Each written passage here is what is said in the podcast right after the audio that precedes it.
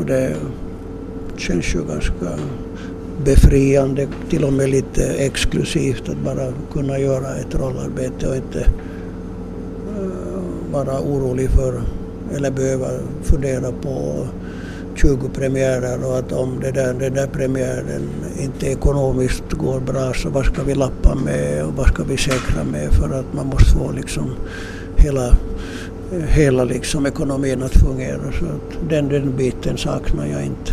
Mm. Vad skönt att riktigt få på något vis gå in och känna i sin roll och sådär kanske? Eh, jo, att bara liksom, vet du, de flesta av dygnets timmar gå och fundera på att, att den där scenen och de där replikerna, hur ska man få det att fungera? Borde det vara si eller så? så det, det, en sån sorts, ska vi säga, egoism och självupptagenhet har jag nog inte haft tid med under 30-40 år. Ja. Så det känns kanske lite sådär lekfullt då, lite sådär som att man får börja ja, sådär, röra på sin själ?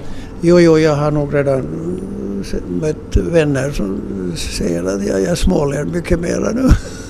och, och ser inte, går, omkring, går inte omkring och ser bekymrad ut. Vad bra.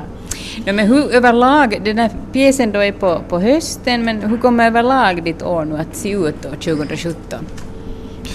No, jag, jag är involverad i det där, det är en nyskriven pjäs så, så att jag samarbetar med författaren och eh, regissören här om, om den här pjäsen. Den handlar lite om Finlands självständighet och så här. Så det, det är ett, ett beställningsverk som gjordes redan 2013 så det är ett ganska långt arbete. Så att, Okej. Och när och var är det premiär? Det är på stora scenen är det i slutet av oktober. Det vill säga på Helsingfors stadsteater. Och nu då till Asko Sarkolas förhoppning gällande någonting i samhället i år. Hans förhoppning handlar om att teaterbranschen ska fatta fiffiga beslut när det gäller nya chefer, personal och nya studerande. Det är ju några chefsbyten också här som, som är på kommande Svenska Teatern och, och också andra institutioner. Så, så eh, jag tror att eh, det som skulle vara oerhört viktigt är att man, att man eh, dels går fram på på två linjer. Dels vad som ska göras nu de närmaste åren. Men sen är det ju hela den här skolningssidan att eh, det är ändå på lång sikt så måste man se till att, eh, att man skolar upp människor. Och jag tror att det är där som då den äldre generationens kanske viktigaste uppgift är den här att se till att eh, att framtidens skolning och de erfarenheter som de själva har kan inte som sådana flyttas över men att man berättar hur, hur man gjorde och egentligen de fel man gjorde och så här. För att sen de här, det som sker precis här och nu, ehm, det dagsaktuella, så eh, det måste skötas av, av de människor som, som är i ledande ställning just nu. Men jag skulle säga att den där framtiden är ändå, och det är ju många andra som har sagt det här före mig, så det är ju liksom egentligen den där skolningen.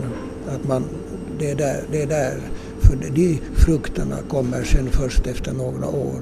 Och det är egentligen det viktigaste är, är vad som görs där. Mm. Alltså utbildningen av skådespelare och och andra människor också inom teatern? Eh, jo, utbildningen och eh, rekryteringen och vem, vem, vem, vem man ska liksom satsa på eh, och var man ser att de där begåvningarna finns. Vilka människor var borde göra vad? Ja, dels är det ju vem som eh, sköter om utbildningen och de här som sköter utbildningen, vem, vem de tar in till, till teaterskolan.